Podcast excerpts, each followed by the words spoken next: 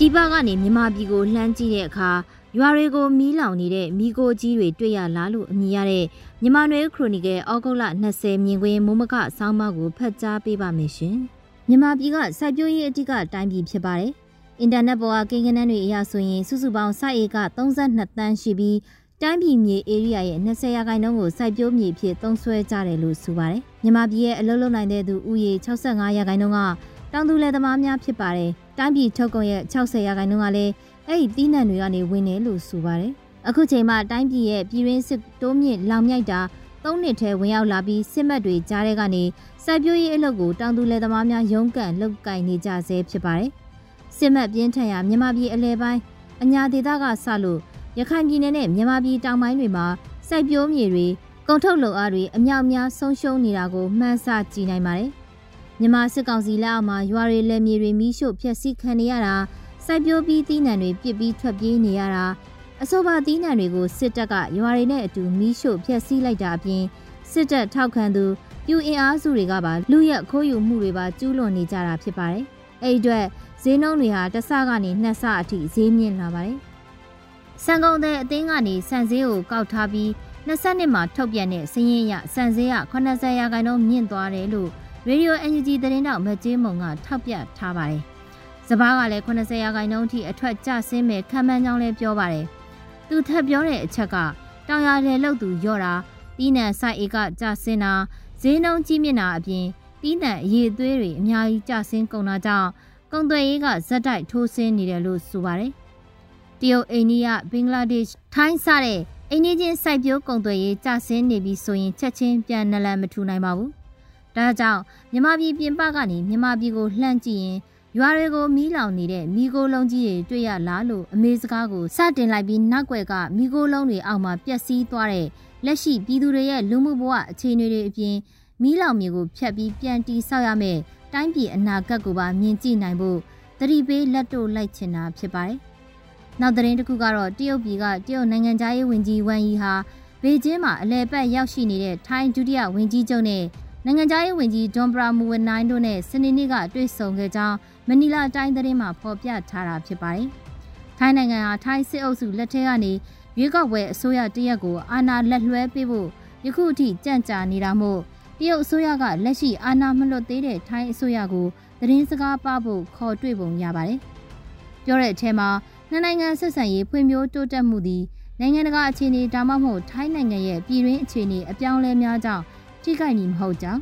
ဩဂုတ်လ19ရက်ကတွေ့ဆုံစဉ်မှာပြောကြားတယ်လို့ရေးသားထားပါတယ်။နိုင်ငံရေးစီးပွားရေးမှာကိုယ်တိုင်လဲစိန်ခေါ်မှုများရင်ဆိုင်နေရပေမဲ့တရုတ်ပြည်အစိုးရကအတိုက်ခံဒါမှမဟုတ်ရွေးကောက်ပွဲအနိုင်ရသူကိုအာဏာလွှဲပေးစရာမလိုတာမို့အရှိတောင်အာရှတည်ငြိမ်ရေးတောင်တရုတ်ပင်လယ်အတွင်းငြိမ်ဝှက်ပြပြမှုရှိရေးနဲ့သူတို့ချမှတ်ထားတဲ့ဒေသတွင်းဖွံ့ဖြိုးရေးတည်ဆောက်ရေးစီမံကိန်းတွေဟန်ချက်မပြတ်ဆက်လုပ်နိုင်ဖို့သတင်းစကားပါလိုက်ပုံရပါတယ်။ မြန်မာနိုင်ငံနဲ့ဆက်ဆက်ကြည့်မယ်ဆိုရင်လည်းတရုတ်ပြည်အနေနဲ့သူတို့ရဲ့အမျိုးသားအကျိုးစီးပွားနဲ့အချိန်စရာအတိုင်းထိညှိဆောင်ရွက်ဖို့ကိုသာအားသာကြောင်းတက်တည်ပြမှုတစ်ခုဖြစ်ပါတယ်။စစ်ကောင်စီခေါင်းဆောင်မင်းအောင်လှိုင်နဲ့တရုတ်စီမံကိန်းတွေဆက်လက်ထိမ့်သိမ်းလည်ပတ်နိုင်ရေးတရုတ်လုပ်ငန်းများတရုတ်ပြည်သူများလုံခြုံချုံးဝဲမှုရှိရေးကိုဦးစားပေးပြီးလုပ်ကိုင်နေတာကိုမြင်တွေ့နေရတာဖြစ်ပါတယ်။လက်ဗရောင်းတောင်စီမံကိန်းနဲ့မြစ်ဆုံစီမံကိန်းတွေနဲ့ပတ်သက်ပြီး သူတို့အချိန်စရာအတိုင်းဆက်သွားမယ်လို့ဆိုထားပုံရပြီးတရုတ်နဲ့ဆက်ဆက်နေတဲ့တိုင်းရင်းသားလက်နက်ကိုင်အဖွဲ့တွေနဲ့လည်း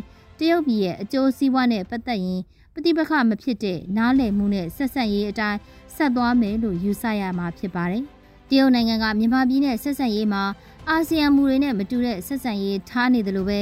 အနောက်နိုင်ငံတွေကအမေရိကန်ပြည်ထောင်စုကလည်းမြန်မာစစ်ကောင်စီနဲ့အပေါင်းအပါတွေအပေါ်ငွေကြေးပိတ်ဆို့မှုတွေတိုးမြင့်တာကတပိုင်း မြန်မာပြည်သူတွေအပေါ်အကူအညီပေးတာတွေစီမှာတိုးတာရော့တာတွေလုပ်နေတာကလည်းတပိုင်းလို့ဆိုရမှာဖြစ်ပါတယ်။2024ခုနှစ်မှာမြန်မာပြည်အတွက်အမေရိကန်ဒေါ်လာ120တန်းထောက်ပံ့မယ်ဆိုပြီးအမေရိကန်နိုင်ငံနိုင်ငံသားရေးဝန်ကြီးဌာနရာရာသတ်မှတ်ချက်ဥပဒေမှာ State Department Appropriations Bill မှာထည့်သွင်းဖို့အမေရိကန်အထက်လွှတ်တော်စီးနယ်ရဲ့ရာရာချက်ချမှတ်ရေးကော်မတီ Appropriations Committee ကနောက်နှစ်ပတ်ကြာရင်သူတို့ရဲ့စစ်နယ်လွှတ်တော်ကိုတင်တော့မယ်ဆိုပေမဲ့အောက်လွှတ်တော်ဖြစ်တဲ့ House of Representatives ရဲ့ Appropriation Committee ကလည်းမြန်မာပြည်အတွက်တန်း90မျှသာချပေးဖို့သူ့ရဲ့အောက်လွှတ်တော်ကိုတောင်းဆိုဖို့ပြင်ဆင်နေကြတယ်လို့သတင်းတွေထွက်လာပါတယ်။ဒါကြောင့်အမေရိကန်ရောက်မြန်မာတွေကမြန်မာပြည်အတွက်အကူငွေကိုအကန့်အသတ်တွေမလုပ်ဖို့သက်ဆိုင်ရာအမေရိကန်အောက်လွှတ်တော်အမတ်တွေစီစာရေးသားခြင်းဖုံးဆက်ခြင်းတွေပြုလုပ်ပြီးတောင်းဆိုကြဖို့ဒီတစ်ပတ်မှာနှိုးဆော်တန်းတွေဆွေးနွေးလှုံ့ဆော်တန်းတွေကျေလောင်လာခဲ့တာတွေ့ရပါတယ်။အဲဒီလိုအတန်ထွက်ပေါ်လာတဲ့အပေါ်မှာ နယူးယောက်ကမြမအရေးလှုပ်ရှားတက်ကြွသူဦးနေတင်မြင့်ကတော့တန်120အတိုင်းရရှိဖို့ကိုမျှော်လင့်ကြောင်း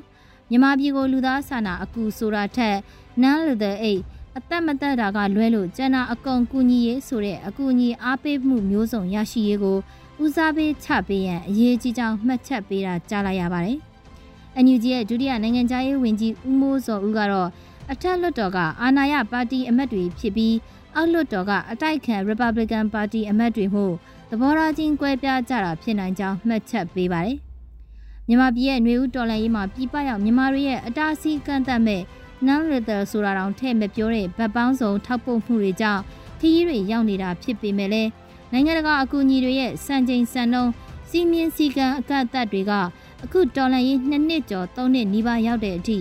တရွေ့ရွေ့တဆင့်ဆင့်ချီတက်နေပုံကိုလည်း သတိပြုမိကြတာဖြစ်ပါတယ်။မြန်မာပြည်ကိုလှမ်းကြည့်လိုက်ရင်တွေ့နေရတဲ့ရွာတွေပေါ်ကမိโกလုံးကြီးတွေတလိမ့်လိမ့်တက်နေတာကိုကြည့်ပြီးတော့နိုင်ငံတကာအကူအညီတွေကုလသမဂ္ဂအကူအညီတွေအေဂျင်စီတွေဘလို့စဉ်းစားနေကြလဲဆိုတာကလည်းစူးစမ်းမေးမြန်းဆက်စုကြည့်ကျင်စရာပဲဖြစ်နေပါတယ်။ပေါ့ရည်တန့်ဘဏ္ဍကလန်စားနပ်ရိက္ခာမိသားစုဘဏ္ဍဥစာ